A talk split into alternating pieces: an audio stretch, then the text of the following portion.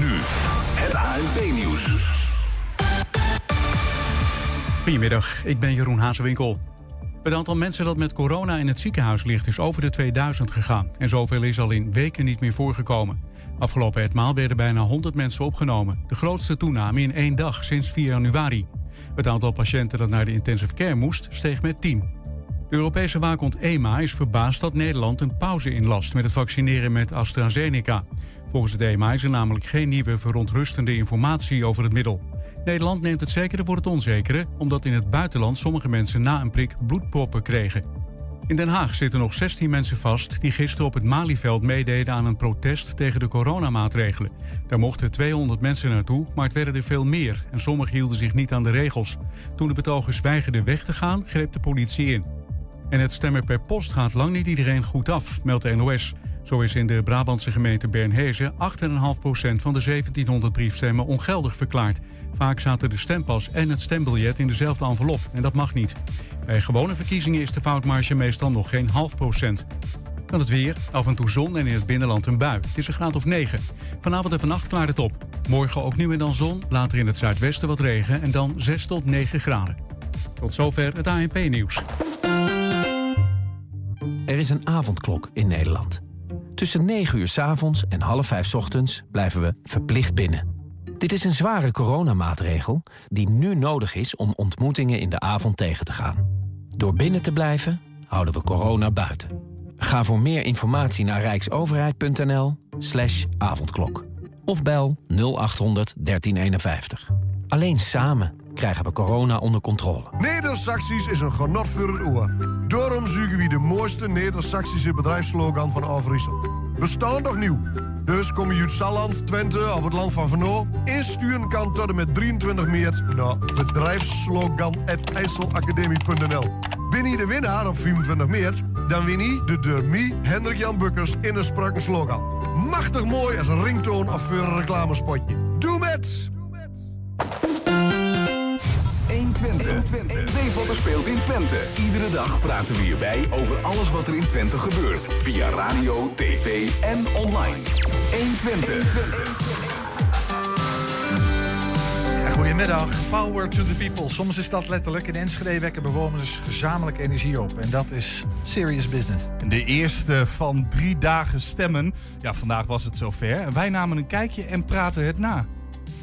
En dan de verhuizing van een monsterlijk groot museumstuk... en de rentree van burgemeester Onno van Veldhuizen. En we gaan het hebben over de relatie tussen de buurt waarin je opgroeit... en de kansen op een hbo of academische opleiding. En tot slot een zomer vol muziek, theater en dans op het plein voor het Hengeloze Stadhuis. Een cadeautje van Metropool aan de ehm, Metropool. Het is maandag 15 maart en dit is 120 vandaag. Ja, ze schieten als paddenstoeltjes uit de grond. Overal in het land trekken inwoners gezamenlijk projecten van de grond om energie op te wekken. Ze kopen een windmolen, leggen zonneparken aan, weet je, dat soort dingen. Niet commercieel, de opbrengst is voor die inwoners zelf. In Enschede timmert Enschede energie aan de weg. Al een jaar of vijf, als ik het goed heb ongeveer. En dat begint serious business te worden. Aan tafel hebben we Jeroen Jansen, ooit raadslid in Enschede, maar dat is een heel grijs verleden. Uh, maar tevens medeoprichter van de Enschedese Energiecoöperatie. En die heet Enschede Energie. Hoe zou het ook anders? Welkom Jeroen, fijn dat je er bent. Dank je. We kennen elkaar al een, uh, al een, een geruime tijd. Um, Enschede Energie, kan je even heel kort in twee regels uitleggen wat dat is? Nou, Enschede Energie is een coöperatie. Dus het is van, voor en door de inwoners van Enschede. Echt letterlijk, hè? Letterlijk. Hè? Je kunt er lid van worden. Je kunt het bestuur wegstemmen. Dat doen ze nooit, tot nu toe. Uh, en de opbrengsten blijven ook bij de inwoners van Enschede. De coöperatie, dat, betekent dat als je lid wordt, ben je lid van de coöperatie? Je bent lid van de coöperatie right. en je, je neemt deel samen in projecten die we samen ontwikkelen. Ja. Ja. En, en daarmee neem je ook deel in uh, de mogelijkheid om uh, daar een, een, vriendelijk tarief voor te krijgen. Maar ook deel om, je kunt investeren als je wilt. Uh, en dan krijg je een mooi rendement. Okay. Dus mensen krijgen letterlijk, worden mede-eigenaar van onze projecten. Het klinkt als een. Als een, als een nee, ongelooflijk. Laat ik het anders zeggen. Een soort van. Um, te mooi om waar te zijn verhaal of zo. Maar het zijn echt gewoon bewoners van onderaf. Ja. Die zelf zeggen. Ja. wij wekken onze eigen energie op. Ja. Wij, wij zijn... maar, waarom is dat? Misschien is even helemaal terug naar het begin. Waarom, waarom is dat ooit van de grond gekomen? Nou, nou, jullie weten natuurlijk, iedereen weet dat er klimaatakkoorden zijn gesloten. Al jaren terug in Parijs. Die zijn later versterkt. En de regering riep mensen op, doe mee. Help ons onze doelstellingen te realiseren. En toen hebben een aantal mensen in Enschede, maar ook in andere plaatsen is dat gebeurd. Die hebben gezegd, wij willen onze schouders eronder zetten. Uh, en dat zijn vrijwilligers. Ik doe het ook gratis en voor niks. Uh, en de andere bestuursleden doen het ook helemaal vrijwillig. Maar we hebben gezegd, ja, dat klimaat, dat gaat ons aan. En wij moeten kijken of wij een steentje bij kunnen dragen. Mm Gewoon heel makkelijk, wat iedereen kan, door ze wat vaker op de fiets te stappen. En niet altijd de auto pakken. Maar ook door Kijk, kunnen wij niet slimmer energie opwekken? Kunnen wij geen duurzame energie opwekken? Maar wat ik me afvraag, waarom zouden bewoners, dat zijn over het algemeen toch leken, dat doen? En waarom laat je dat niet over aan nou ja, weet je, de uitvinders en de, de, de, de ondernemers en de grote bedrijven die dat soort dingen ook allemaal verzinnen natuurlijk? Wat is, wat is de logica daarvan? Nou ja, kijk, hier is, bij, ons clubje, wat inmiddels gestaag groeit. Hè, Hoe groot is het? Even inmiddels meer dan 400 leden, maar ik verwacht dit jaar er nog wel 400 bij te krijgen. Ons clubje, daar zitten ook ondernemers bij. En daar zitten allerlei lieden bij die, die allerlei vormen van kennis hebben. Er zitten mensen met financiële kennis, er zitten mensen met technische kennis. Maar wat is je drive om nou juist zoiets van de grond te trekken? Want ik nou, kan me voorstellen, ik hou het bij fietsen en ik schaf mijn auto af desnoods, weet ik veel. Nou, ik, vind, ik vind, kijk, als je burger bent in deze samenleving, dat is een beetje een ouderwets woord, maar een samenleving, die geeft jou wat, maar je moet ook wat teruggeven. En als je dat kunt, dan moet je dat ook doen. Het was heel simpel. Ik had de tijd, omdat ik met pensioen was gegaan. Maar dit is zo'n belangrijk onderwerp. Hm. Iedereen weet dat. En we, dus, we staan daar machteloos bij te kijken. En wij hebben gezegd, de oprichters, wij willen niet machteloos zijn. Wij willen de arm uit de mouwen steken en een bijdrage leveren. Dat was de drijfveer. En inmiddels begint dat uh, succesvol te worden. Hm, we, hebben, we, hebben, we hebben dit jaar uh, tien projecten hè, die werkzaam zijn. Tien projecten ja. in de zin, wat zijn dat voor projecten? Dat zijn zon op dak is dat. Hè? Dus dat zijn zonnepanelen op daken in de stad, op industriedaken, op, op daken van, van uh, kerkgebouwen, uh, op, op, boerendaken in het buitengebied. En er komen er dit jaar nog tien bij. en misschien gaan we, als het lukt, starten met zonnevelden in het buitengebied. Kleine zonnevelden, mooi ingepast in de natuur, mooi in het landschap. We hebben een paar plaatjes, misschien dat we die zo meteen even kunnen zien. Ah ja, uh, maar in ieder geval vast de volgende vraag, want, want jij zegt we hebben, hoeveel projecten heb je nu? Er zijn nu tien projecten operationeel hè, die werken. En dit jaar komen er hoeveel er bij? tien bij. Dus Misschien dus, twaalf. allemaal zonnepanelen ergens op een bepaalde plek. Dat is en even om het heel kort uit te leggen: die, die zonnepanelen zijn, zijn eigendom van de coöperatie. Ja. Dus dat betekent dat de investering, maar ook de opbrengst, gaat terug naar de leden van de coöperatie. Dat is ongeveer het idee. En dus geen grote jongens die daar commercieel. Uh, Oké. Wij, wij uh, wij lenen wel wat geld bij van Energiefonds Overijssel. He, die stellen ons in staat om de grote bedragen... die deels worden opgehoest door de leden... aan te vullen met een goedkope lening van Energiefonds Overijssel. Zodat je de grotere investering kunt doen, zeg maar, de, de opstart. precies. Ja, wat, wat, wat, zien we hier op dit plaatje, Jeroen? Ja, misschien achter ja, dit, daarvoor. Dit, ja, dit is, ik, ik, ik, draai me even om. Uh, dit is het eerste project uh, op het dak van Twente Milieu. En uh, met de toenmalige, met de directrice en uh, gedeputeerde toen. Ja. En de, de wethouder, die inmiddels wegens succes is weggekocht door de gemeente Utrecht. en de enige constante factor ben ik. nee. en, we gaan, en we gaan gewoon nog door met nieuwe projecten. Ja, mooi. Ja. Leuk. En volgens mij hebben we nog een plaatje. En, en, wat, zien we hier? Is dit? Dit is, dit is wel leuk. Dit is een heel recent project. Dat is het uh, project op het uh, Robsonpand. Nou, we ja. zien inderdaad die oude industriepanden van het Robson. Exact. Met, uh, helemaal vol met, met, met zonnepanelen. Ja, de, hoeveel, hoeveel zonnepanelen liggen er hier? Wat nou, moet ik me nou, voorstellen? Nou, nou, overvraag je me. Het zijn er volgens mij tegen de 300. en dit is een heel leuk project. Want we hebben hier heel lang met de eigenaar, dat is Domein, over gepraat of het haalbaar was. en uiteindelijk heeft Domein gezegd, en wij ook, het is op het randje. Uh, want kleine projecten zijn moeilijk realiseerbaar financieel. In van die, die leveren dan gewoon te weinig op nou, ten opzichte die, die, van de Precies, daar, daar, daar haal je, uh, dan kom je niet meer in de, in de zwarte cijfers. Maar we hebben beide gezegd, wij vinden dit veel te leuk om te doen. Ook veel te sympathiek. Uh, dus we hebben daar lang aan zitten cijferen. En uiteindelijk is het recent gerealiseerd. Ja. En dit is dan energie, dat, dat, heb je nog, volgens mij is nog een plaatje. Oh ja, dit is op een soort boerenschuur midden in het ja, boerenlandschap. Ja, ja dus aan de Beurzenstraat is dit. en dit is heel leuk. Dit, dit is een, uh, een bedrijf dat in de, in de recreatiesfeer zit. En dat hele bedrijf wordt daarmee uh, elektrisch, van elektriciteit voorzien. Lijkt me fijn voor het bedrijf, maar daar heeft de coöperatie niet zoveel aan, of wel? Nou ja, de coöperatie verdient daar ook aan. Hè. Dus aan elk paneel verdienen wij ook wat. Want we hebben natuurlijk wel kosten. Hè. We, we, om het heel simpel te zeggen, wij zijn wel vrijwilliger. We hebben inmiddels ook iemand in dienst. Dus dat is ook het leuke. Wij dragen bij aan de werkgelegenheid. Stapje voor stapje. We hebben nu één iemand. Uh, en soms mensen die wat bijklussen. Uh, maar ja, we hebben ook kosten. We moeten jaarrekening laten opstellen door de accountant. We, we hebben briefpapier enzovoort enzovoort. Ja, dus geld dus in, website, daar gaat, daar gaat, gewoon wat geld om. Maar feitelijk leveren jullie, en, en, en nog één plaatje zie ik hier. Dit is Twents, denk ik. Ja, dit is, dit is Twente Milieu. En de, Twente Milieu. Dit is ja. het allereerste project dat jullie hebben project. gedaan. Ja. En dat is een behoorlijk uh, oppervlak aan zonnepanelen volgens mij. Dat zijn, het zijn tegen de duizend panelen, 800 zoveel. En, en ik probeer even gewoon van mijn gevoel. Heeft Twents hier nou lol van? Of, of trekken hier Enschedeze huishoudens energie van? Nee, dit, dit, dit, gaat primair, Twente Milieu is het hè? Mm -hmm. Dit gaat primair naar Twente Sorry. Milieu. Die neemt, die, neemt, die neemt inderdaad die stroom af. Ja. En dit was ook een heel gepuzzel. Want uh, voor, voor, voor de leek, bedrijven krijgen goedkopere elektriciteit ja. dan, uh, dan wij als burgers. Ja. Dus wij moesten een, uh, een zeer scherp rekenen. maar zij wilden ook zelf graag. Nou, nou, nou ben ik lid van, van, van Enschede Energie, al, al een tijd. En ik leef in de, in de naïeve veronderstelling vermoedelijk dat ik stroom van jullie krijg. Hoe werkt dat? Uh, je bent lid, uh, je neemt ook stroom bij ons af. Uh, en wij leveren dat via een tussencoöperatie. De coöperatie OM is OM, samen OM.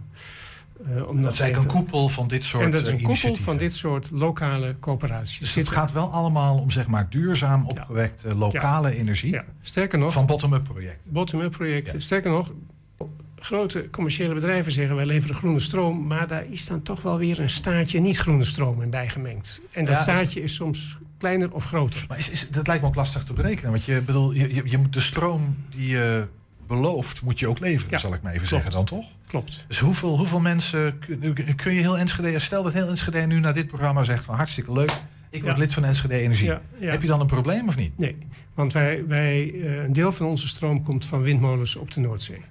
Dus je kunt wat wij niet, leveren, wat wij niet zelf opwekken, leveren wij vanaf de Noordzee. Van? Vanaf de Noordzee. Vanaf de Noordzee. Ja. Maar dat zijn geen zonneparken of geen windmolens van de coöperatie. Zo groot zijn die nee, maar daar zijn wel vaste van contracten mee. Ja. Ja, precies. Oké. Nou, dat is een ingewikkeld verhaal, vermoed ik. Hey, waar wil Enschede Energie heen? Wat, wat, wat, is, wat is het doel uiteindelijk? Nou ja, wij willen zoveel mogelijk eh, lokaal stroom opwekken. Het is gewoon echt hier in Enschede? In of Enschede, ja. want dan heb je ook zo min mogelijk transportverlies. Hè, dat is, dat is, dicht bij huis is gewoon beter. Mhm. Eh, en wij willen zoveel mogelijk Enschede's in staat stellen. Ze zeggen ook wel eens, wat van ver, is wat van ver komt is lekker. Ja, het is wel in lekker, maar het is niet beter.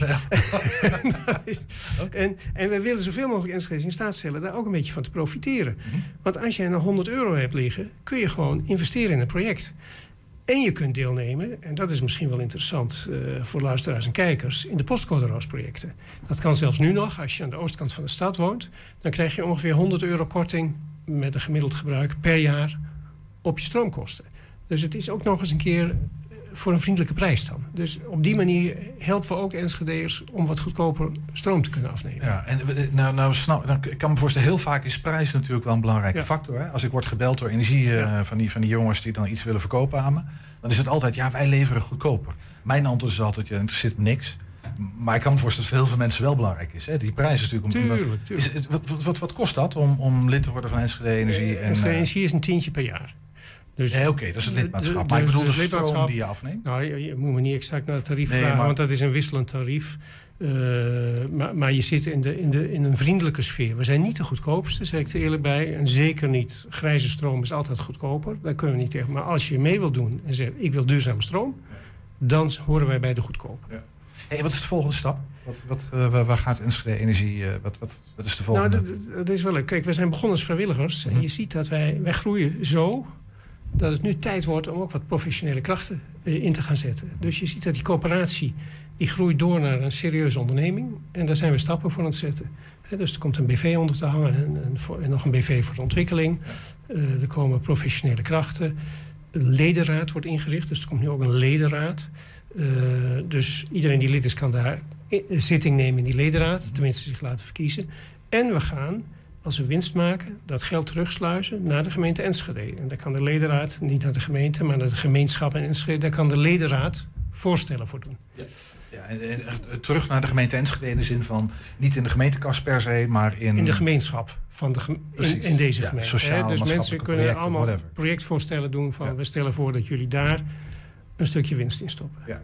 Ja, dat, is, dat is wel een beetje vergelijkbaar met andere projecten in het land ook. Hè? Van, uh, Ik weet dat er plekken zijn waar windmolens eh, worden gebouwd. En, de, en de, de winsten daarvan gaan naar het voetbalveld of naar de muziek. Precies, en dat soort dingen moet je denken. Ja. En, en, en daar hebben dus de betrokkenen en, en, en, nou even, dus jullie zijn het professionaliseren. Um, en, en het volgende project, wat, wat, is een, wat is een project waar je zegt, nou kijk naar uit? Nou, kijk, wij, wij, wij zijn op dit moment eh, met een aantal projecten bezig. Waar ik naar uitkijk is uh, de eerste projecten op velden. Hè, dat, uh, maar dat hangt een beetje af van de Raad van State. Er zijn wat mensen die bezwaar maken. en wij zijn aan het onderzoeken of we op grote waterpartijen zonnevelden kunnen aanleggen. Dus drijvende zonnevelden. Okay. Maar goed, daar lopen de gesprekken nog over. Dus daar, daar, kunnen we nu nog niet al te veel over vertellen. Is dat innovatief of, is of valt het al mee? Het is, het is uh, zeg maar commercieel innovatief in de zin van dat je het. Uh, het is complexer in zijn financiële mogelijkheden. Dat lijkt me te ingewikkeld om. Ja. Misschien nog één vraag: een eigen windmolen, is dat denkbaar of uh, gaat dat te ver? Dat is zeker denkbaar. Ja, maar niet alles tegelijk. maar we, we, sluiten het niet uit. Want, want, je ziet dat er discussie is over het, het, het ruimtebeslag door zonnevelden. En uh, sommige mensen die daar eerst uh, voorstander van waren, zeggen nu... misschien is het toch slimmer om windmolens te plaatsen... Mhm. omdat we dan minder agrarische grond kwijt zijn. Ja. Nou, dat is een, een, discussie die loopt en daar ja. voegen wij ons ook naar. Snap ik. En die discussie voer je mee, stel ik aan. Stel dat mensen zeggen, ik wil meer weten of ik wil me aanmelden. Waar kunnen ze terecht? Dan gaan ze even naar www.enschede-energie.nl gewoon een liggend afbreekstreepje. www.enschede-energie.nl Dit was Jeroen Jansen, een van de bestuursleden van Enschede Energie. Dankjewel Jeroen. Graag gedaan. Ja, dus uh, straks maakt het uit waar je in je wieg ligt. Nou, wel als het gaat om je kansen op een goede opleiding. Zo blijkt uit onderzoek. Maar dat uh, gaan we zo meteen eerst doen. We gaan eerst even een studiowissel doen. Want uh, Ernst hoe verhuis je een bijna 20 ton zware stoommachine? ik heb het nooit gedaan. Ik, een flinke verhuisdoos. Denk ja, dat lijkt mij dus ook. En uh, ik denk dat je aan een doos niet genoeg hebt. maar dat is de Triple Expansie, het topstuk van Heijn. Verkaste vanmorgen naar de nieuwe stek van het Techniekmuseum. Dat is het pand bij, van OIVO op het Hazemeijerterrein. In de studio Jos Visser, projectleider huisvesting. Hij was erbij toen de triple op een dieplader werd binnengereden. Dus niet in een doos, Ernst. Dus een, doos, dus een doos op wielen, toch? Ja, volgens mij zoiets. Op wat ze bij OIVO het Museumplein noemen. Uh, Jos, goedemiddag. Goedemiddag. Ja, je hart maakte vanochtend denk ik wel een sprongetje, of niet? Ja, dat is al een paar keer gebeurd, moet ik zeggen, tijdens deze hele, uh, dit hele project. Van vreugde of van... Van, van, van, vreugde uh, en zo heel af en toe van uh, teleurstelling. Maar ehm, het gaat heel voorspoedig. En ehm, het, is een, het is een prachtig project. En we eindigen nu zo langzamerhand, in, komen we in de fase dat, dat dit project tot einde komt. En dan zie je het plotseling groeien. Ja. En, uh, en komt alles op zijn plek terecht. En dan Misschien vandaag... heel even, Jos, wat, ja. wat, wat, was jouw rol in dit geheel? Want het, uh... Uh, het project is ook al een jaar of vier, vijf geleden gestart. nadat wij een aantal fusies hadden, moesten we ook op zoek naar een nieuwe locatie. En wij zijn Heim. En wij zijn niet alleen Heim, maar okay. ook Crea um, kunstpodium. Ja. En, maar ook uh, uiteindelijk de muziekschool Hengelo. Die drie organisaties zijn bij elkaar gekomen. En toen was er de noodzaak om te zoeken naar een nieuwe locatie. Um, we hebben verschillende uh, dingen bekeken, verschillende plekken bekeken. Gemeente Hengelo wilde heel graag dat, ze, dat we in een gemeentelijk pand uh, terechtkwamen. Uh, maar uiteindelijk hebben we een heel mooie locatie gevonden. En die locatie, die, dat is dan Hazemeijer complex geworden. Ja. een locatie waar eigenlijk um, ook de, de, de bakenmat ligt van, van datgene wat wij in onze verzameling aantreffen. Um, dus heeft daar... Echt de place to be dan, zeg maar. maar, wel, maar ja. de bakermat is de geboortekamer, zou je kunnen zeggen, van, van, van, van de Hengeloos alle... techniekindustrie. Ja, ja, want eigenlijk brengt uh, dit museum alles bij elkaar ja. van de Hengeloze industrie. Uh, denk maar even aan Stork, Hazemeijen, Holland Signaal. De oude spullen die zijn destijds al in 1980 bij elkaar gebracht. En nu uiteindelijk krijgen ze weer een nieuwe plek uh, uh, in het Haagse Meijercomplex. Gaaf. En een van die dingen, dat was die, dat, de enorme apparaat, uh, de, de, triple. Ja. misschien kunnen we even naar wat beelden kijken van hoe het vanochtend ging. Ja, want wij zijn dus, onze collega's in Hengelo zijn dus eventjes op pad geweest. En die hebben even wat beelden gemaakt van hoe dat er nou precies uitzag. Volgens mij hebben wij die video ook. En uh, daar kunnen we nu wel even naar kijken. Zit je dus in de auto, krijg je dus niet zo heel veel mee. We zullen proberen alles een beetje in goede banen te leiden. Maar uh, dit is uh, de machine. en je kan direct al wel zien, dat is echt, echt mega. Voor de mensen die. die, die, die er zit hier geen geluid bij. Dus voor de mensen nee, die, die aan het luisteren zijn, die alleen geen beeld hebben. Vanavond even kijken, dat is leuk. Wat, wat zien we nu precies? Dit is, uh, dit is het verplaatsen direct dit, ervan. Ja, of? kijk, uh, dit is de plek waar, de, waar de, de deze uh, triple expansiemachine nu al een jaar of twaalf heeft gestaan.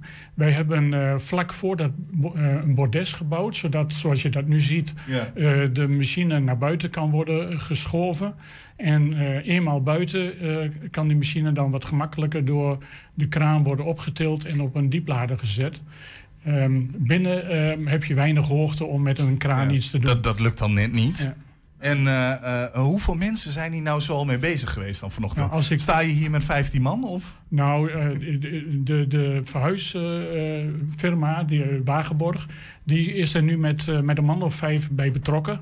Ja. Ehm, sommige lichtere machines, daar kunnen ze met z'n drieën. Maar in dit geval hadden ze een kraanmachinist nodig, plus iemand die de dieplader bedient. En dan heb je nog een paar mensen nodig die hand- en spandiensten verrichten. Ja. En uh, ja, dan ben je toch met vijf man. Maar tegelijkertijd lopen er ook een stuk of zes, zeven vrijwilligers rond. Want die hebben voorafgaande die machine klaargemaakt voor ja. de verhuizing. En, en jullie hadden ook een soort van inschattingsfoutje, want hij bleek te zwaar te zijn, hè? Uh, ja, dat, kijk, uh, wij, wij, baseren ons op hele oude documentatie. En daar staan soms uh, zaken in, wel of niet met de aandrijving, wel of niet met bepaalde extra faciliteiten. En dan staat hij er zoals die bij ons staat. En dan ja. is het een inschatting van hoeveel zwaar zal die zijn. Vlak daarnaast stond een gelijkstroomdynamo waarvan wij dachten dat die iets van 19 ton was. En die bleek, uh, want die hijskranen kunnen zo mooi het gewicht uh, meten wat ze aan het hijsen zijn. Ja. Dus die, die bleek een stuk lichter te zijn. En dat, uh, ja, in dit geval omgekeerd, deze, deze bleek zwaarder te maar, zijn. Maar, maar, maar, nu weet je het met die verhuizing. Ja, dat hoe, die, die, ja. hoe, hoe, hoe, oud is deze stoommachine? Waar hebben we het over? deze machine um, die is al in, dacht in 1930 zo in die periode gebouwd. Um, hij heeft jarenlang dienst gedaan op een sleper een sleepboord als, als aandrijving. Um, hij is later op, op een of andere manier terechtgekomen in, in de kelder van de Universiteit van Eindhoven. En um, onze vrijwilligers die waren lid en, en waren bezig met binnen de organisatie Federatie Industrieel Erfgoed Nederland. En in een, bij een bezoek hebben zij ontdekt dat die stoommachine daar stond. Ja. En die is vervolgens uh, uh, naar Hengelo weer verhuisd. Het is een door Stork gebouwde machine, hè? Ja, dus die, toen die terugkwam is die ook door uh, Stork-medewerkers helemaal gerenoveerd ja. in een hal van Stork. En toen die één keer klaar was, dat zal rond 2004, 2005 zijn geweest. Toen is de machine in het nieuwe Heim terechtgekomen aan de dus, Industriestraat. Dus het is ook een, een oude machine. En uh, nu, ga, nu ga ik misschien. Maar, maar, maakt dat niet ook heel veel herrie? Ja, uh, deze valt vind ik nog wel mee. Maar als je de verschillende machines uh, bekijkt, die maken behoorlijk wat herrie. En ik denk dat op de nieuwe locatie wij dus ook een klein beetje afspraken moeten maken ja. van wie mag wanneer wat aanzetten. Zullen we anders eens luisteren? Even, even kijken hoeveel kabaal er nou eigenlijk vanaf komt. Lijkt mij aardig.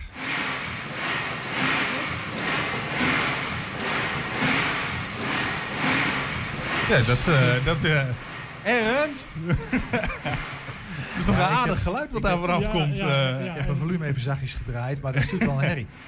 Ja, maar toch is het ook een prachtige machine. Uh, we hebben ooit eens uh, een, een, uitvoering gehad met muziekinstrumenten. Die samen met de machines een, eh, een stuk uh, produceerde. Een stuk, echt een geweldig ritme wat er dat, zit. Ja, dat, ja. Dat, het zijn alle toeters en bellen en overal er speelt er wat. Ja. Ja, dat moet toch ook echt een kick geven. Hey, nou, nou begrijp ik dat jullie deze machine uh, regelmatig lieten draaien op perslucht van de buurman. Ja. Siemens, geloof ik. Ja, ja. Nou, buurman is weg, of althans jullie zijn ja, weg. Ja, dus de perslucht is ook weg. Pers, ja, perslucht. Gaat hij nog draaien? Of ja, het is zeker de bedoeling dat hij gaat draaien. Ja. Uh, alleen dat, dat is nog wel een klus. Maar perslucht, joh, zo'n machine. Een enorme luchtdruk heb je daarvoor nodig. Ja, ja, ja dat, zo, zoveel dat, dat dus als je niet goed afspreekt met elkaar hoe je daarmee omgaat. Uh, dat dan plotseling een fabriek als Siemens uh, zonder perslucht komt te zitten. dat is dus ons één keer overkomen. En dat kwam gewoon omdat Siemens een wijziging had aangebracht aan het leidingnetwerk. Ja. waardoor, en dat wisten wij niet. Uh, waardoor uh, uh, wij tijdens zo'n doe- en draaidag de machine lieten hey, maar draaien. Hoe, hoe, ga je dat, tot, tot, slot, hoe ga je dat nu oplossen? Om het ding toch af en toe... wij hopen de machine weer kunnen laten draaien op basis van hydraulische aandrijving. Alleen daar zijn we nog druk naar op zoek uh, om te zo kijken van wat is nou de beste oplossing. Ja, en, uh, maar hij zal moeten gaan draaien. Ja. En wanneer uh, kan hij weer in, in, in, levende lijven, zou ik zeggen? Maar bijna. Hè, wij, hopen, wij hopen in juni weer open te zijn voor het publiek. Ja. Theo Valente, want met corona weet je het nooit tegenwoordig. Nee, nee natuurlijk. natuurlijk. Nee, precies. Ja. Zeg, uh, dit was Jos Visser van, uh, nou ja, zeg maar even voormalig Techniek Museum Heim. Nu heet ja. het OIFO. Ja. Um, over een enorme stoommachine. Dankjewel. Okay. Ja, vandaag is het dan zover. We mogen eindelijk weer naar de stembus. Ja, normaal zouden we op 17 maart richting de stembus gaan. Maar nu is dat uitgesmeerd over drie verschillende dagen. Ja, wij vroegen ons op de redactie af hoe dat er nou in praktijk uitziet. En daarom ging Eline het voor ons uitzoeken. Het is 15 maart vandaag, de eerste dag dat er gestemd mag worden. Maar hoe gaat het eigenlijk? Mag ik vandaag al stemmen of moet dat morgen of woensdag? En hoe kan dat? Uh, wij gaan op pad en uh, we gaan kijken hoe dat in Enschede geregeld is. Hele lijst met alle stemlocaties van Enschede. Uh, locaties zijn alle drie de dagen open, zoals de Magneet. sommige ook alleen vandaag of alleen dinsdag of alleen woensdag. En ja, we gaan eens langs om te kijken hoe dat er dit jaar in coronatijden uitziet. Dus als eerste locatie gaan wij naar de Thomaskerk. Dus ja, ik ben heel erg benieuwd hoe dat eruit ziet en hoe dat geregeld is. Zijn we er bijna? Eén schuitje verder.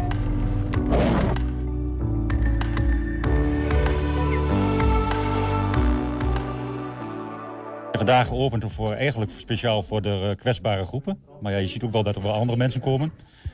En uh, ze mogen dus stemmen voor de Tweede Kamer. Je kunt natuurlijk niet gaan vragen van, uh, aan ieder, ieder persoon van...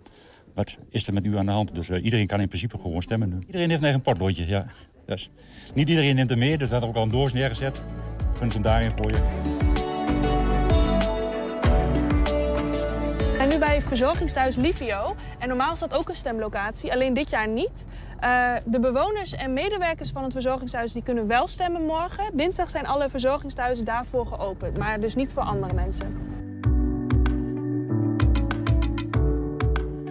De volgende stemlocatie is in Boekelo, het café. We mogen weer, nee dat nog niet, maar we mogen wel stemmen in het café. Dus uh, ja, lang niet meer geweest. hey, dat is toepasselijk. Uh, dit is dan het uh, eetcafé De Buren in Boekelo. Uh, wij zijn verrast. ik had gedacht van alleen de 70-plussers komen er. Maar op dit moment hebben we toch al meer stemmen dan dat we verwacht hadden. Ja, gaat heel, loopt goed door. U heeft zojuist uh, hier gestemd. Waarom ko koos u ervoor om vandaag te gaan stemmen? Uh, om gezondheidsredenen. Komt iets beter uit. Omdat het de eerste mogelijkheid is. En dan heb ik het ook zo snel mogelijk achter de rug. Ik hoop dat het dan minder druk is. En dat was ook zo. U verwachtte dat het woensdag drukker zal zijn? Ja. En normaal stemde u ook altijd hier of uh, op een andere locatie? Op de uh, openbare school. Nee, altijd op de lagere school in Usselo. Maar dat mag niet meer. Ik vermoed wel vanwege de coronaregels dat dat... Uh, ik weet ook niet of de openbare scholen alweer open zijn. Nou ja, het café was helaas uh, gesloten natuurlijk door de coronaregels. Dus uh, wij vinden het heel, uh, heel leuk dat er toch op deze manier nog een keer weer het, het, café onder de aandacht komt. Omdat hier natuurlijk sowieso voor de boekeloos een fantastische plek is om samen te zijn. En ja, samen al veel feestjes gevierd hebben. Nou, hoe vond u het weer om in een café binnen te zijn? Ja, ik ben alleen de verkeerde kant op gegaan. Hè? Ik moest naar links, dat is het gezellige.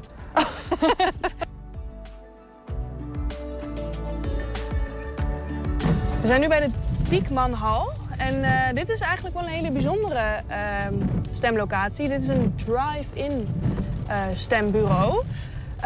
nou ja, ik vraag me af of heel veel mensen zijn. Het hagelt heel erg. Maar dit is dus een, ja, een, een, hele nieuwe manier van stemmen ook. Zoals je ziet, de auto's komen binnenrijden. helemaal corona-proof, geweldig. De mensen worden ontvangen de documenten worden gecontroleerd. En vervolgens rijden ze door. Kunnen ze helemaal uh, in het geheim stemmen.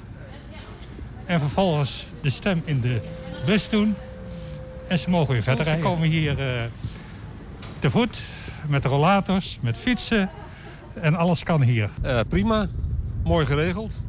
En net tussen de buien door even op de fiets er doorheen. En uitstekend geregeld. Nou, ik vond het uh, voor de tijd uh, waarin we nu leven... is het wel redelijk goed geregeld. Het is beter uh, een beetje behelpen dan dat je zegt van... ik kan helemaal niet stemmen. We zijn nog net geen risicogroep, maar we hebben maar net gedaan alsof. Grijs genoeg. Ja. ja. het is dus minder in scholen en meer in hallen... waar je dus wat meer op afstand kunt werken. Zijn, bij mij in de buurt staat ook nog een tent, waar, maar dat is alleen woensdag. Dat is net als hier en dan gewoon op de parkeerplaats ergens.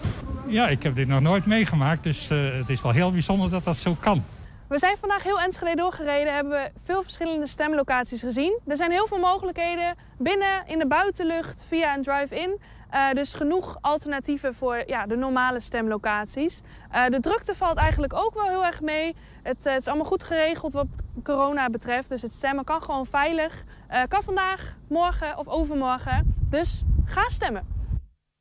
En aan de telefoon hebben we, als het goed is, Reinier Kreeft, verkiezingscoördinator voor uh, voor die, nou ja, we, hebben, we gaan het met hem hebben over die eerste dag uh, stemmen. Reinier, goedemiddag.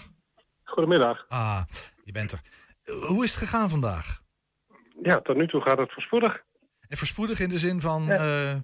geen vervelende nou, incidenten loopt... of het loopt gewoon goed door? Of? Het, het loopt lekker door, boven verwachting. Ja? Um, het gaat goed. goed ik, zit, ik kijk hier zelf uit op het Diekman. Ik heb het net, nou, net ook gehoord. Toen hagelde het heel erg natuurlijk. Was het wat minder druk. Maar het rijdt gewoon, uh, ja, gewoon continu aan en uh, loopt lekker door. En betekent dat, mensen toch, betekent dat mensen van die eerste dag behoorlijk gebruik maken? Ja. En dat, had je niet uh, verwacht? Nee, we hebben, ik heb ze net even navraag gedaan en we hadden niet zoveel verwacht. Er zijn een paar locaties waar we nog extra naartoe zijn gereden voor extra spullen. En waar hebben we het over? Hoeveel, hoe, hoe, hoeveel mensen hebben nu zo ongeveer gestemd? Ja, dat durf ik niet te zeggen. Ja, okay. We hadden dat nu niet bij, dat werd het vanavond pas. Ja. Dus, dat is boven verwachting. Ja. En uh, uh, wat zijn uh, over het algemeen de reacties van de mensen die dan langskomen? zijn het ook mensen die, die zoiets hebben van, nee ja, van mij hoe, had dit niet gehoeven? Of? Nee, ongeveer hetzelfde wat net in interviews, net in interviews was. Blij dat het zo op deze manier kan. ook met, vooral mensen nu met gezondheidsproblemen die nu veilig in alle rust kunnen stemmen. Dus uh, nee, alleen maar uh, positief, uh, positief verhalen die ik heb gehoord. Dan, het klinkt bijna alsof we dit gewoon elke keer maar zo moeten doen. Maar dat zal vast niet de bedoeling zijn. nou, qua organisatie wel een uitdaging, maar ja, ja. het is gelukt. Ja. ja. Hey, want ik, ik, ik zie cafés die stembureau zijn geworden, scholen waar het niet meer kan. Er is een behoorlijke zoektocht geweest naar nieuwe locaties. Of viel dat mee? Ja, dat is een behoorlijke, behoorlijke, zoektocht, uh, behoorlijke zoektocht geweest. Ja, want hoeveel locaties uh, um, heb je opnieuw... Eh, hoeveel locaties heeft Enschede überhaupt? Ik heb geen idee. Ja, dat is een hele goede vraag. Stel hele goede vragen. ja, zeker. Maar, ik, ik, ga even, dat je bent van de eerste dag. Laten we het dan even over de eerste dag hebben. Ja. Hoeveel, hoeveel heb jij er dan uh, nu open? Hoeveel stemlocaties zijn er? Ja, ik ga het gewoon even na. Hoeveel stemlocaties? ah. Twaalf. Twaalf. Twaalf stemlocaties. Ja. Maar dat is alleen voor vandaag? Of zijn dat, dat zijn niet alle locaties, toch in Enschede? Nee, nee, nee. Dat is voor vandaag en voor morgen. Ja, precies. En dan eh, op eh, woensdag de normale eh, aantallen stemlocaties en dan nog wat mobiele stemlocaties. Ja, hoeveel, heb je, dinsdag. hoeveel heb je er nou moeten zoeken dan? Zeg maar, in de, in, de, in de aanloop hier naartoe? Extra? Hoeveel hebben we erbij? ge- Een stuk of 30 hebben we erbij ge- bij gezocht nu? Precies. Dat is een forse Ja? Ja. 50, ja. Hartstikke goed. Hey, en ehm, ah, ah, als, als mensen nu in de komende dagen moeten ze nog gaan stemmen. Ja, ik, als ik het zo hoor, loopt het gewoon goed. Maar zijn er nog dingen waar mensen toch even rekening mee moeten houden? Van, Ja, uiteraard een gezondheidscheck voordat, eh, voordat ze naar de stembureau gaan. Ja. maar dat is eh, een eh, mondkapje. Dat is het meest belangrijke. En eh, ze kunnen gerust gaan. Het wordt allemaal eh erg coronaproof georganiseerd. Dus eh, geen Ja, enkel... een mondkapje, maar ik denk ook paspoort, identiteitsbewijs en je stem. ja, je uiteraard die stempas Ja. en, je, Yes. en je identiteitsbewijs. Ja, om, ja. Hartstikke bedankt Renier voor eh even stemmen. blik. Ja, zeker. Ga stemmen. Oké. Dankjewel. Yo. Ja, eind oktober werd burgemeester van Enschede, Onno van Veldhuizen, zwaar getroffen door corona. De ziekte had zo'n nasleep dat hij zijn werk tijdelijk neer moest leggen. Vandaag ging hij weer aan het werk en wij waren bij die eerste werkdag. Meneer Van Veldhuizen, vandaag weer terug in het stadhuis. Hoe bevalt dat? Ja, eh, heel erg, eh, heel erg fijn. Ik eh, merk ook, eh, ik krijg er energie van. Ik ben weer in mijn element. En eh, ja, ik was natuurlijk om een geheel verkeerde reden thuis. Maar ik had het thuis ook goed. Maar ik vind het heel erg fijn om hier weer te zijn. Ja, doet me veel. Misschien wel de belangrijkste vraag. U bent bijna vijf maanden weg geweest. Hoe is het nu met u? Ja, wel goed. Eh, want anders zou ik hier niet staan. Ik denk wel dat ik eh, ook daar weer heel eerlijk en direct over moet zijn. Ja, ik ben voor 50% aan het werk. Want het laatste stukje van het genezen moet natuurlijk hier gebeuren. Of dat dan ook inderdaad eh, goed gaat. Dus dat zal ook iedereen zich wel kunnen voorstellen. Als je zo lang bent weg geweest en je begint dan weer. Dat is natuurlijk ook gewoon wel eh, spannend hoe het lijf zich dan eh, houdt. Dus ik probeer zo van 10 tot 5 eh, te werken. Ja, u is En, nou, natuurlijk niet een bepaald 9 tot 5 baan. U gaf het toen in een eerder interview Nee. ook aan van 80 uur per week soms Ja, wel. dus ik moet me ook heel erg beperken tot wat eh, nodig is. En eh, nou ja, de eerste ochtend heb je meteen al je eerste valkuil... want je gaat natuurlijk door met werken zoals je deed. Dus mijn secretaresse heeft nu al gezegd, het gaat helemaal mis. Dus ik heb zo meteen een overlegje hoe we weer netjes in de pas van de 50% proberen te komen. Nu vooruit neem ik aan, wat is de grootste uitdaging nu? Nou, ik denk dat de grootste uitdaging eh, is... en dan praat ik even voor eh, Enschede en voor Twente... Gaan natuurlijk een hele, denk ik, eh warrige periode in. Daar zitten we al eh, in. Hè? Met aan de ene kant eh, de vaccins... die hortend en stotend afkomen. Aan de andere kant de derde golf die eraan komt. Nou, wie van die twee gaat winnen? De derde golf lijkt nu te winnen. En we komen in de komende maanden geleidelijk aan steeds meer in een overgangsfase. Hoop en verwacht ik. Eh, waarbij mensen denken, we gaan naar het oude normaal... terwijl iedereen eigenlijk wel weet, we gaan naar een nieuw normaal.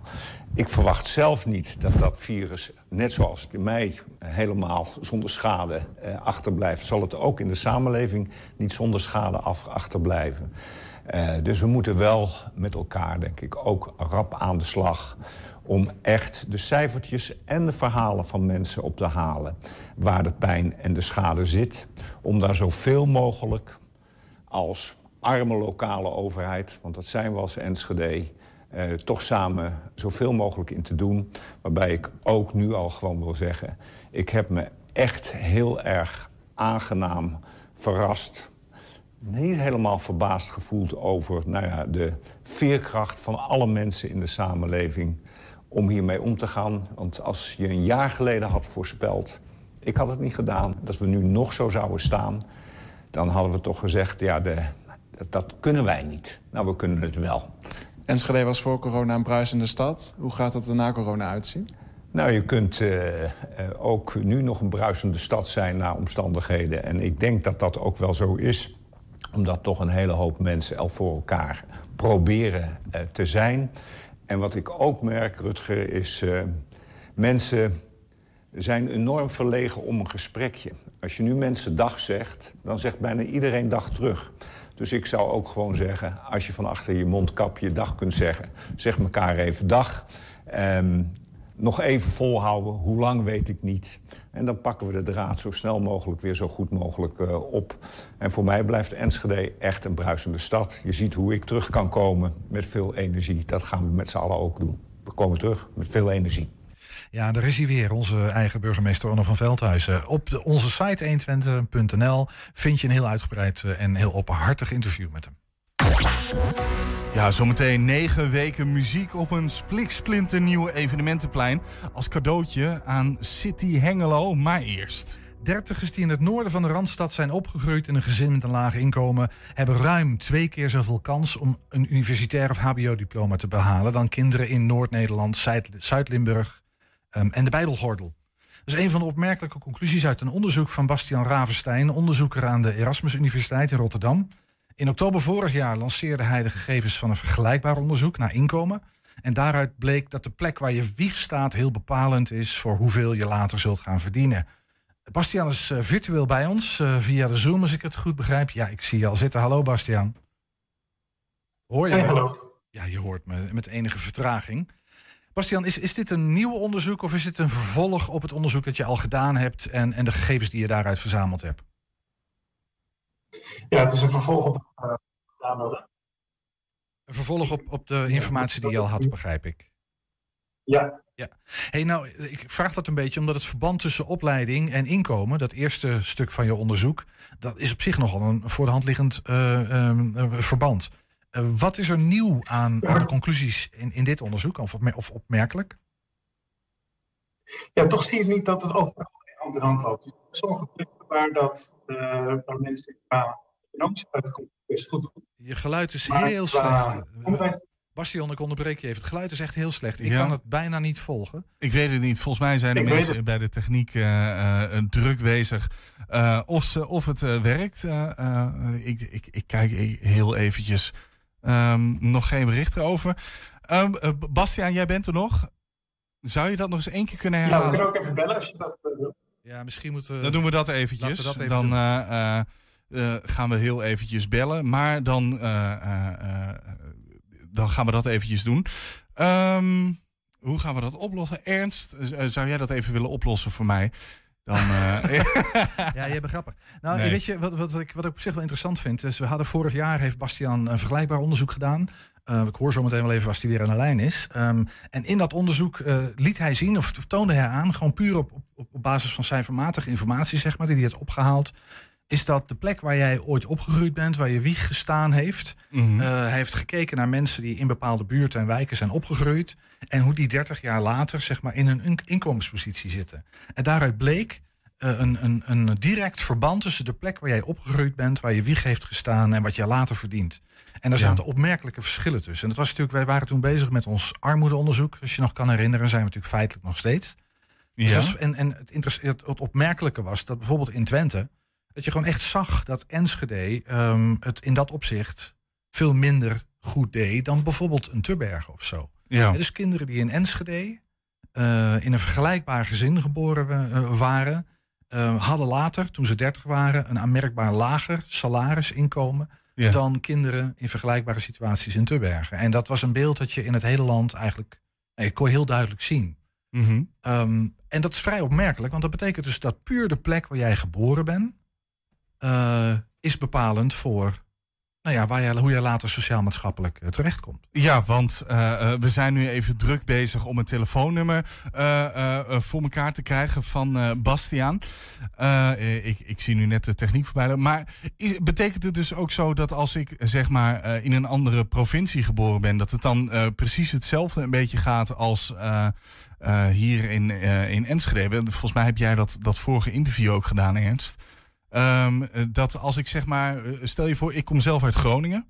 eh, dat als ik vanuit Groningen naar Enschede kom, dat daar ook een heel groot verschil in zit. Dat kan, maar het hangt er heel erg vanaf waar je... Waar je wieg dus, zeg maar, ja, staat. weet je, het, het is niet zo dat iedereen in Enschede per definitie slechter af is, zal ik maar even zeggen. Zo is het niet. Per wijk Mhm. is, ze heeft een kans, op, op, op, op, op de site kan je het vinden. Kans, kansenkaart.nl heet dat, geloof ik. Moet je even naar kijken. Eh, en dan kun je gewoon zien dat er per wijk in Enschede gewoon ook nog heel erg verschilt. Dus het maakt uit of je in Stokhorst Ja. geboren bent of in Gladenbrug bijvoorbeeld. Ehm, Ernst, zullen wij anders eventjes eh, eh, eh, alvast naar het volgende item gaan? Gaan we heel eventjes kijken, daar gaan we heel eventjes bellen met Martijn. Of, of komt het hier al binnen dat wij een telefoon hebben? Wij hebben hem inmiddels al binnen. Dan gaan we zo meteen naar het Aquadroom. Want daar kwam vanochtend alles ook met bakken met water naar beneden. Nou, dat dus zometeen, als je daar nog geïnteresseerd in bent. Eh, wij bellen nu eh, met Bastiaan om even te kijken of wij hem telefonisch nog aan het woord kunnen krijgen. eh, over zijn nieuwe project. Ik zie dat onze producer er druk al mee bezig is. en daar gaan we het dus even hebben erover.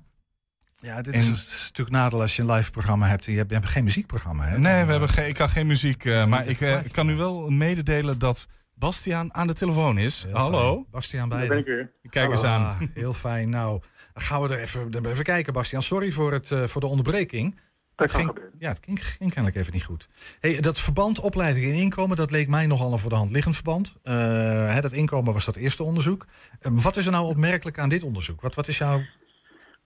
Nou, we willen eigenlijk kijken, ehm, we zagen dus dat eh, op, de, op de strook tussen Zeeland en Overijssel, dat daar eh, ja, eigenlijk eh, veel vrouwen een laag inkomen hadden. Maar dat was niet zo gek eigenlijk als je bedenkt dat veel mensen die daar wonen ervoor kiezen om, als ze vrouw zijn, minder te werken of niet te werken. Ja.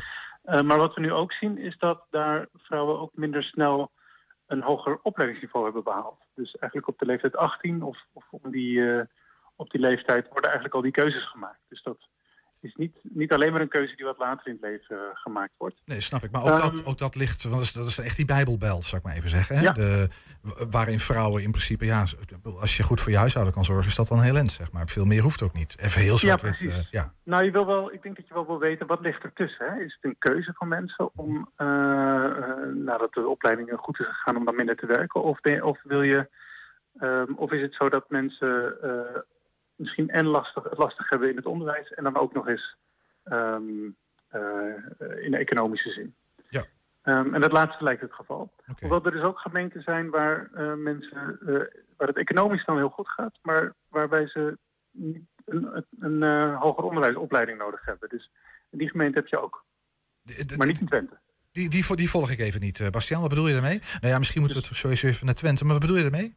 Nou, er zijn gemeenten zoals ehm, eh, Vissersdorpen en eh, het, eh, het Westland, waar, men, waar veel bedrijvigheid is.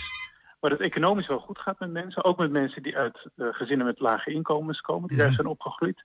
Ehm, maar die dat niet per se in het hoger onderwijs hebben laten zien. Die Nee, precies.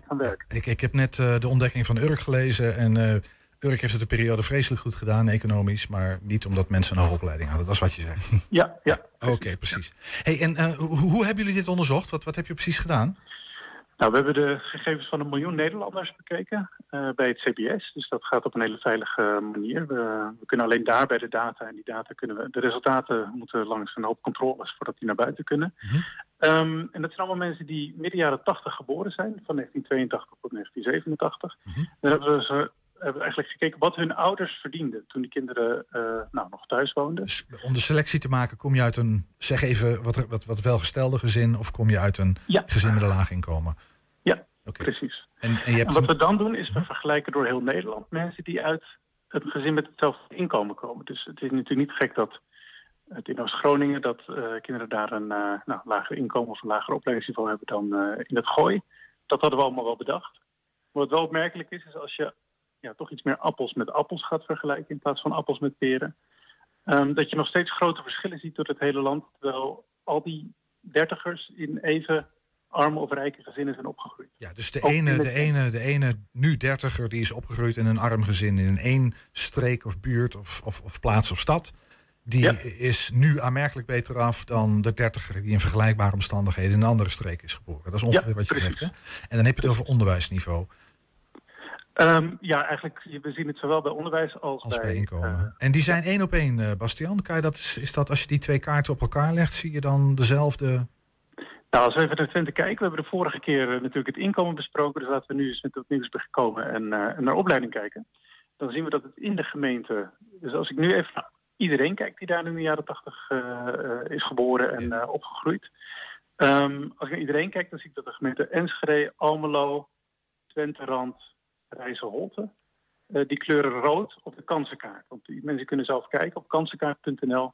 Kunnen ze eh, dit, dit uitzoeken. En die kleuren rood, dat betekent de die onderwijskansen zijn daar kleiner dan elders. Precies. Een, lage, uh, een, een, lage kans op um, hoger onderwijs. HBO-opleiding ja. of uh, universitair diploma. Ja, ja HBO of universiteit. En, en, en, dat is eigenlijk hetzelfde patroon als dat je ook zag in je eerdere onderzoek dat over inkomen ging. Ja, maar we kunnen nu ook wat dieper uh, kijken. Toen keken we, uh, nu kunnen we ook um, zien dat uh, hoewel de hele gemeente Enschede rood kleurt, als je, als je dieper gaat kijken, dan zie je dat een postcodegebied aan de oostkant of de zuidkant, dus laat ik even zeggen, een postcodegebied bij de Kersdijk, Schip, Schipholstraat. Ja, dus meer richting Zuid-Enschede en het oosten? Ja, daar zie je dat, uh, dat 27% van de kinderen een uh, universiteit of hbo heeft gehad. Ja. En dan iets meer naar het centrum. Noem maar weer even wat op. Derkinkweg, Heukinks, Heutinkstraat. Ja, dus dat is iets meer, dat is de postcodegebied 7535, iets meer naar het centrum. Daar is dat niet 27%, maar 49%. Dat is gewoon aanmerkelijk hoger. Dat is gewoon... En wat, dat vroeg ik me af, wat, wat, wat zijn er voor, hoe kan je iets zeggen over hoe groot het verschil is? Zeg maar, de, de, hoe groot of kleiner de kansen zijn? Wat, wat voor factor zit daartussen? Ja, dus als we deze twee buurten vergelijken, dan is het bijna het dubbele. Ja. Dus dat betekent dat je, dat je en, en is, is dat een beeld dat je landelijk ziet, zeg maar? Dat, dat dat inderdaad het verschil kan zijn, gewoon een keer zo groot? Ja, ja, we zien eigenlijk, als we gewoon alleen maar naar inkomen kijken, dan zien we dat kinderen uit gezinnen met lagere inkomens, um, uh, nou, of als, we zien dat kinderen uit gezinnen met hoge inkomens drie keer zoveel kans hebben op een HBO of universitair diploma. En zelfs vijf keer zoveel kans op alleen een universitair diploma. Dus dat is fors. Dat is echt een enorm verschil. De laagste inkomens in Nederland, de, de, de, de minst verdienende 50%, dus de minst verdienende helft van de gezinnen, die heeft 10% kans op de universiteit. Ja. En de die kinderen uit rijkste gezinnen 50%. Dus ja. dat is vijf keer zoveel. Dat is echt een enorm verschil. Misschien nog één vraag, Bastian. Um, ja. Uh, ja, ik zou nog veel meer vragen willen stellen, maar laten we het even bij deze houden. Het, weet je, dat, dat, zowel dit onderzoek als jouw vorige onderzoek, het klinkt bijna alsof, ik ga het even wat gechargeerd formuleren, maar alsof alle uh, armoedebeleid zo'n beetje water naar zee dragen is. Want het hangt er maar gewoon net vanaf waar je geboren bent of zoiets. Moet nou, er iets dramatisch gebeuren in de manier waarop we wijken inrichten? Geen idee. Ja, de vraag, kijk, wat ik net al zei, soms is het gewoon de keuze van mensen uh, om bijvoorbeeld wat minder te werken, maar wat meer vrije tijd te hebben. En, en vinden mensen het prima. Op andere momenten, ja, is het ook echt iets wat ze, wat ze eigenlijk zoveel anders zouden zien. Er zijn heel veel instrumenten in Nederland. We kunnen heel veel doen om mensen te helpen. En op die kansenkaart.nl, die kunt linksbovenin, kun je dan uh, nou, een beetje rondklikken. Linksbovenin op de website. Ja. Um, daar kunnen, kan iedereen zien waar we die instrumenten moeten inzetten. Dus, wat zou jouw advies zijn aan beleidsmakers, Bastian? Um, nou, kijk met bijvoorbeeld uh, je onderwijsbeleid of met je jeugdgezondheidszorg. Dus dat zijn hè, de consultatiebureaus waar, waar, ouders en kinderen naartoe brengen. Um, kijk waar je alles waarvan we weten dat werkt, waar je dat het beste kunt inzetten op de kansenkaart. Ja, precies. Dus gebruik, pak die kansenkaart erbij. Dit was dus, Bastiaan Ravenstein uh, was dit, onderzoeker van de Erasmus Universiteit. Uh, nou, we gaan er nog een artikel over schrijven. Lees dat, dan weet je nog meer. Dankjewel Bastiaan voor nu. Dankjewel. Ja, het aquadroom in Enschede moest vandaag leeg worden gepompt. Boosdoener was een lek in de technische ruimte van het bad. De straat bij het zwembad, dat stond dus ook vanochtend helemaal blank. Ja, we hebben hier wat beelden van, die zul je zo meteen even op de achtergrond zien uh, lopen. Aan de telefoon is in ieder geval Martijn Hegeman, manager sport en bewegen bij Sportaan. Uh, Sportaal. Er was even schrikken vandaag, of niet Martijn? Ja, dat klopt. Goedemiddag. het was een, uh, een ander dagje als wat we verwacht hadden, inderdaad. Wat is er nou eigenlijk precies gebeurd? Uh, nou, wat we eigenlijk uh, dagelijks doen is, is alles testen. Ja. Dus de apparaten moeten even draaien. vanochtend was onze technische dienst was ook weer bezig om te testen. En vervolgens is een leiding is gesprongen. En... dus eigenlijk bij, bij het opstarten van, van, van, van de speelapparaturen die we in het water hebben zitten. Is dat een onderhoudsdingetje, Martijn? Uh, nou, niet direct. Het is, uh, natuurlijk is het zwembad is, is wat verouderd. Uh, maar het is dagelijks controleren we de spullen. -huh. en waaronder de leidingen. En die, die proberen we dagelijks even te laten draaien. En, nou ja, gaat 10.000 keer gaat het goed. Ja. En nu was het net een keer dat het blijkbaar niet goed gaat. het kan zijn dat er een, een, waterbel in is gezeten. Maar dan, dan ga ik kijken naar oplossingen die we op dit moment nog niet weten, omdat nou, we eerst aan het kijken zijn van wat heeft er nu precies plaatsgevonden en hoe heeft het kunnen plaatsvinden. En is het, is het, het lek alweer zeg maar gedicht? stroomt er nog steeds water over of is het nu alweer een beetje of groot water op? Nee, het is, het is inderdaad een heel triest gezicht. het, het is een, een, een gesloten systeem. Uh, waar een gat in is ontstaan. Uh, op het laagste punt, dus echt in de kelder van, van het zwembad. We zien het hier ook even hoe het water over het fietspad heen stormt. ja, maar ga dus, verder. Maar wat, wat, wat eigenlijk dus gebeurd is, is daar in de kelder is een, is een leiding gesprongen. Um, die in verbinding staat met het, het water van het subtropisch zwembad. dus al het water van het subtropisch zwembad uh, liep langzaam en zeker in de kelder. Dat is vrij veel, uh, kan ik me voorstellen. Dat, dat is, ik denk om en bij de 800.000 liter kuub. Zo, 800.000 kub. En een beetje chloorwater. hey, maar de, de, de, de boel is nu leeg, kan ik me voorstellen. De baten zijn leeg, ja. alles is leeg. Je ga, en je gaat nu onderzoeken wat er aan de hand is. Ja, ja zo moet je hem, moet je hem echt zien. Precies. En dus, dus het water de, de, van het subtropisch zwembad is helemaal leeg. Ja. de kelder is leeg gepompt. Ja. De, aan het geluk dat de brandweer per direct er was. Uh, Nijhuis uh, Riool die heeft ons geholpen, dus uh, en, het is snel leeggepompt. dus het water is nu uit de kelder. Ja. En we zijn nu aan het kijken van wat betekent dit voor alle apparaten. Want, want, er staan natuurlijk ja. veel technische apparaten ja. die alles in werking moeten stellen. En wat daar nu de status van is. Nou, dat is een vervelende planning, want morgen zouden de zwemlessen weer beginnen, begrijp ik.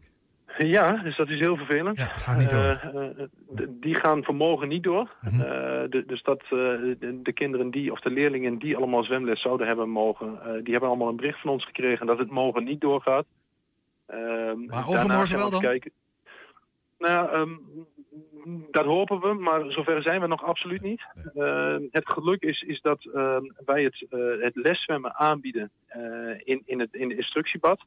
Daar zit het water nog wel in. Alleen uh, doordat daar ook alle installaties onder water hebben gestaan, kunnen we niet rondpompen en nog wat andere technische dingen. Ja. Dus dat uh, eerst even dus oplossen. Dat we moeten er een eindje aan maken. we moeten er ja, een eind aan maken, Martijn. Maar um, oh, laat je ons even weten als het, als het zwemmen weer mag.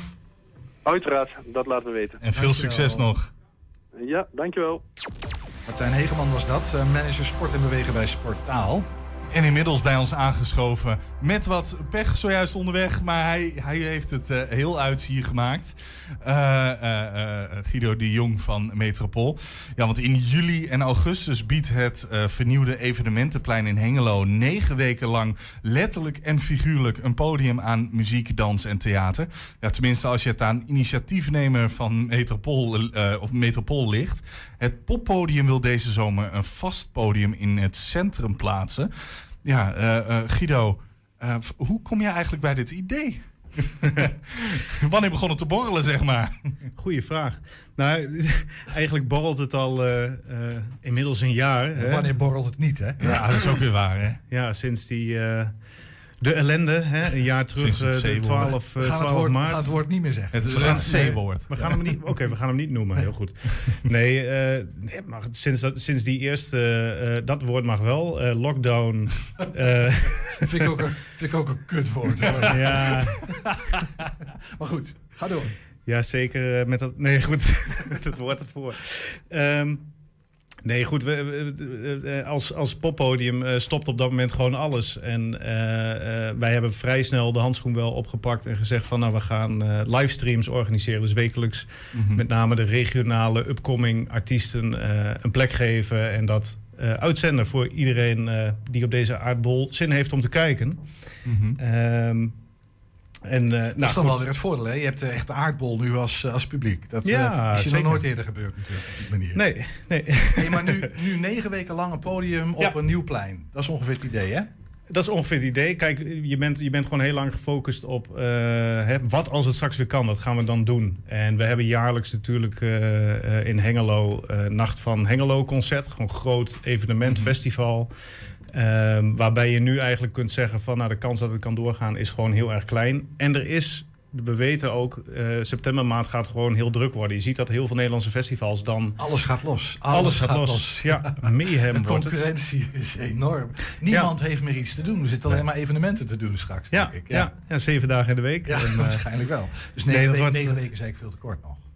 Eh, ja, ergens wel. En eh, je geeft meteen een antwoord op eh, mijn volgende. Nee, eh, nou ja, het idee, eh, je gaat dus niet één, voor één keer eh, pieken, maar het idee is om dat podium gewoon negen weken lang, en als het aan ons ligt, waarom niet nog langer, hè? Als het er nou eenmaal staat. Kan me voorstellen dat, dat, dat mensen in Hengelo en omgeving dat gewoon, ja, hartstikke fijn vinden dat er gewoon in het centrum gewoon een podium staat waar muziek, dans, theater, ga zo maar door, kan, kan plaatsvinden. Ja. Nou is dit een, een, cadeau aan de stad, een gratis festival.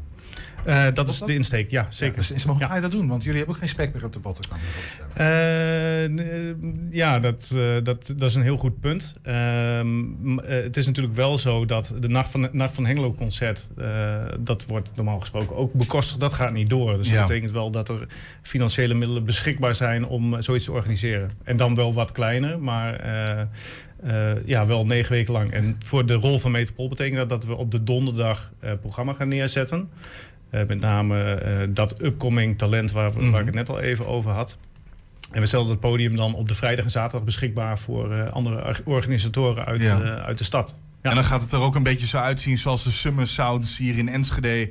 Eh, met allemaal kraampjes eromheen en eh, een, een, een, een, nou ja, ho- hopelijk een beetje wat vol of iets. Maak ons gek. hier. Ja, ik, ik- het klinkt nou hartstikke goed allemaal in de oren. Ja, maar dat is het punt natuurlijk een beetje. Hè. Wat, wat mag? Wat mag En, nog, ja. eh, kijk, wij gaan ervan uit, eh, voor Metropool geldt, eh, wij doen waar we goed in zijn. Dus dat, podium plaatsen eh, en faciliteren dat er gewoon goed licht en geluid is. En dat er op donderdag die acts staan. Ja, en wat er verder mogelijk is, blijft gewoon heel afhankelijk van, eh, van de regelgeving. Dat is helder, snap ik. En, eh, ja. en, en, en, heb je al, eh, want je zegt eh, lokaal talent, dat geloof ik. Ja. Maar ik kan me ook voorstellen dat je een paar grote namen op die podia wil. Heb je, heb, kan je Nou, we zullen wel moeten. Tipje van, Ehm, tipje van de sluier? Ah, zeg het eens, zeg het eens Guido. Zeg, maak ons gek met grote namen. Ja, we, we hadden de Iering eh, geboekt, maar eh, nee, dat is een hele, dat is een hele Ja, die vind ik goedkoop, die is te makkelijk. Die is, die is veel te makkelijk. Nee, we hebben geen, geen ex eh, daarvoor in gedachten. Maar eh, ja, we, we hebben natuurlijk sinds 2020 eh, de grote eh verhuismove. we doen het eigenlijk continu, hè? Dus shows verplaatsen naar eh, een jaar later en soms zelfs twee jaar. Dus je hebt er nog wat op de plank liggen. We hebben er genoeg op de plank liggen. Ja. Ja. ja. Maar eh, je zegt we hebben geen naam in gedachten, daar geloof ik helemaal niks van. Natuurlijk heb je wel naam in gedachten. Eh, kom maar, eentje. je- niet zeggen, Ja. Nee, ik, ja, ik heb, nee ik, eh, dus, er is niks concreet met de act. We hebben wel namen in gedachten, maar die hebben we zelf nog niet benaderd. Dus dat zou een beetje lullig zijn om Ah, dan, ja, dat eh, is ook wel- Hey, dat te noemen. eh, Ja. eh, we, we zitten aan het eind. Het is wat rommelig gelopen vandaag. Maar, maar, maar tot slot, ehm, eh, hoe, hoe zeker is dit? Ja, corona en alles, je hebt niks Ja, zover dat, dat is het. Kijk, wat ons betreft gaat het gewoon door. En ehm, we, hebben, we hebben nauw contact met, eh, met samenwerkingspartners. Hè? Hengelo Promotie eh, en de SCH. Ehm, Wat is de eh, SCH even? SCH? eh, de centrummanagement. Oh, dat, ja. Ehm, maar ehm, eh, kijk, als het aan ons ligt, eh, het kan niet in juli. Dan beginnen we gewoon in augustus en dan negen weken. Eh, dat je realiseert dat je wel zijn. dat de hele regio naartoe komt. Hè? Dit wordt echt mega waarschijnlijk. Tuurlijk, dit wordt Ja. het, eh, Dat is ook de giga, bedoeling. ja. Ik. Ja, ja. Hey Guido eh, de Jong, hartstikke bedankt. Fijn dat je het even wilde komen toelichten. Ik zie je naar uit, man. Ja, me graag gedaan. Ja, wordt super. Wordt een mooie, mooie zomer. en niet alleen in Hengelo. Hè. We zijn ook gewoon bezig om te kijken... wat kunnen we in Openluchttheater Hetman natuurlijk eh, nog organiseren Mhm. eh, En? deze zomer. En, en in Enschede, waar we nu zitten. Tuurlijk. Ja. Kijk eens aan. Mooi. Zullen het allemaal dus nog wel zien. Succes ermee. eh, eh, en in ieder geval tot ziens. Als Guido de Jong, manager bij Metropool. En daarmee zijn we aan het eind gekomen van 120 vandaag. Terugkijken kan direct via 120.nl. Vanavond om 8 en om 10 via tv. En zometeen hier Henk Ketting met de nieuwe kettingreactie. En we hebben zelfs nog een keuze voor jou. Je kan blijven voor de kettingreactie. Maar je kan ook straks in Studio Balengebouw live meekijken. Om half zes is hier een jongerendebat. Dus ben je benieuwd hoe dat eruit gaat zien? Check dan even 120.nl en kijk en praat mee via de livestream. Voor ons in ieder geval, tot morgen. Tot morgen. 120. Weet wat er speelt in Twente. Nu, het ANP-nieuws.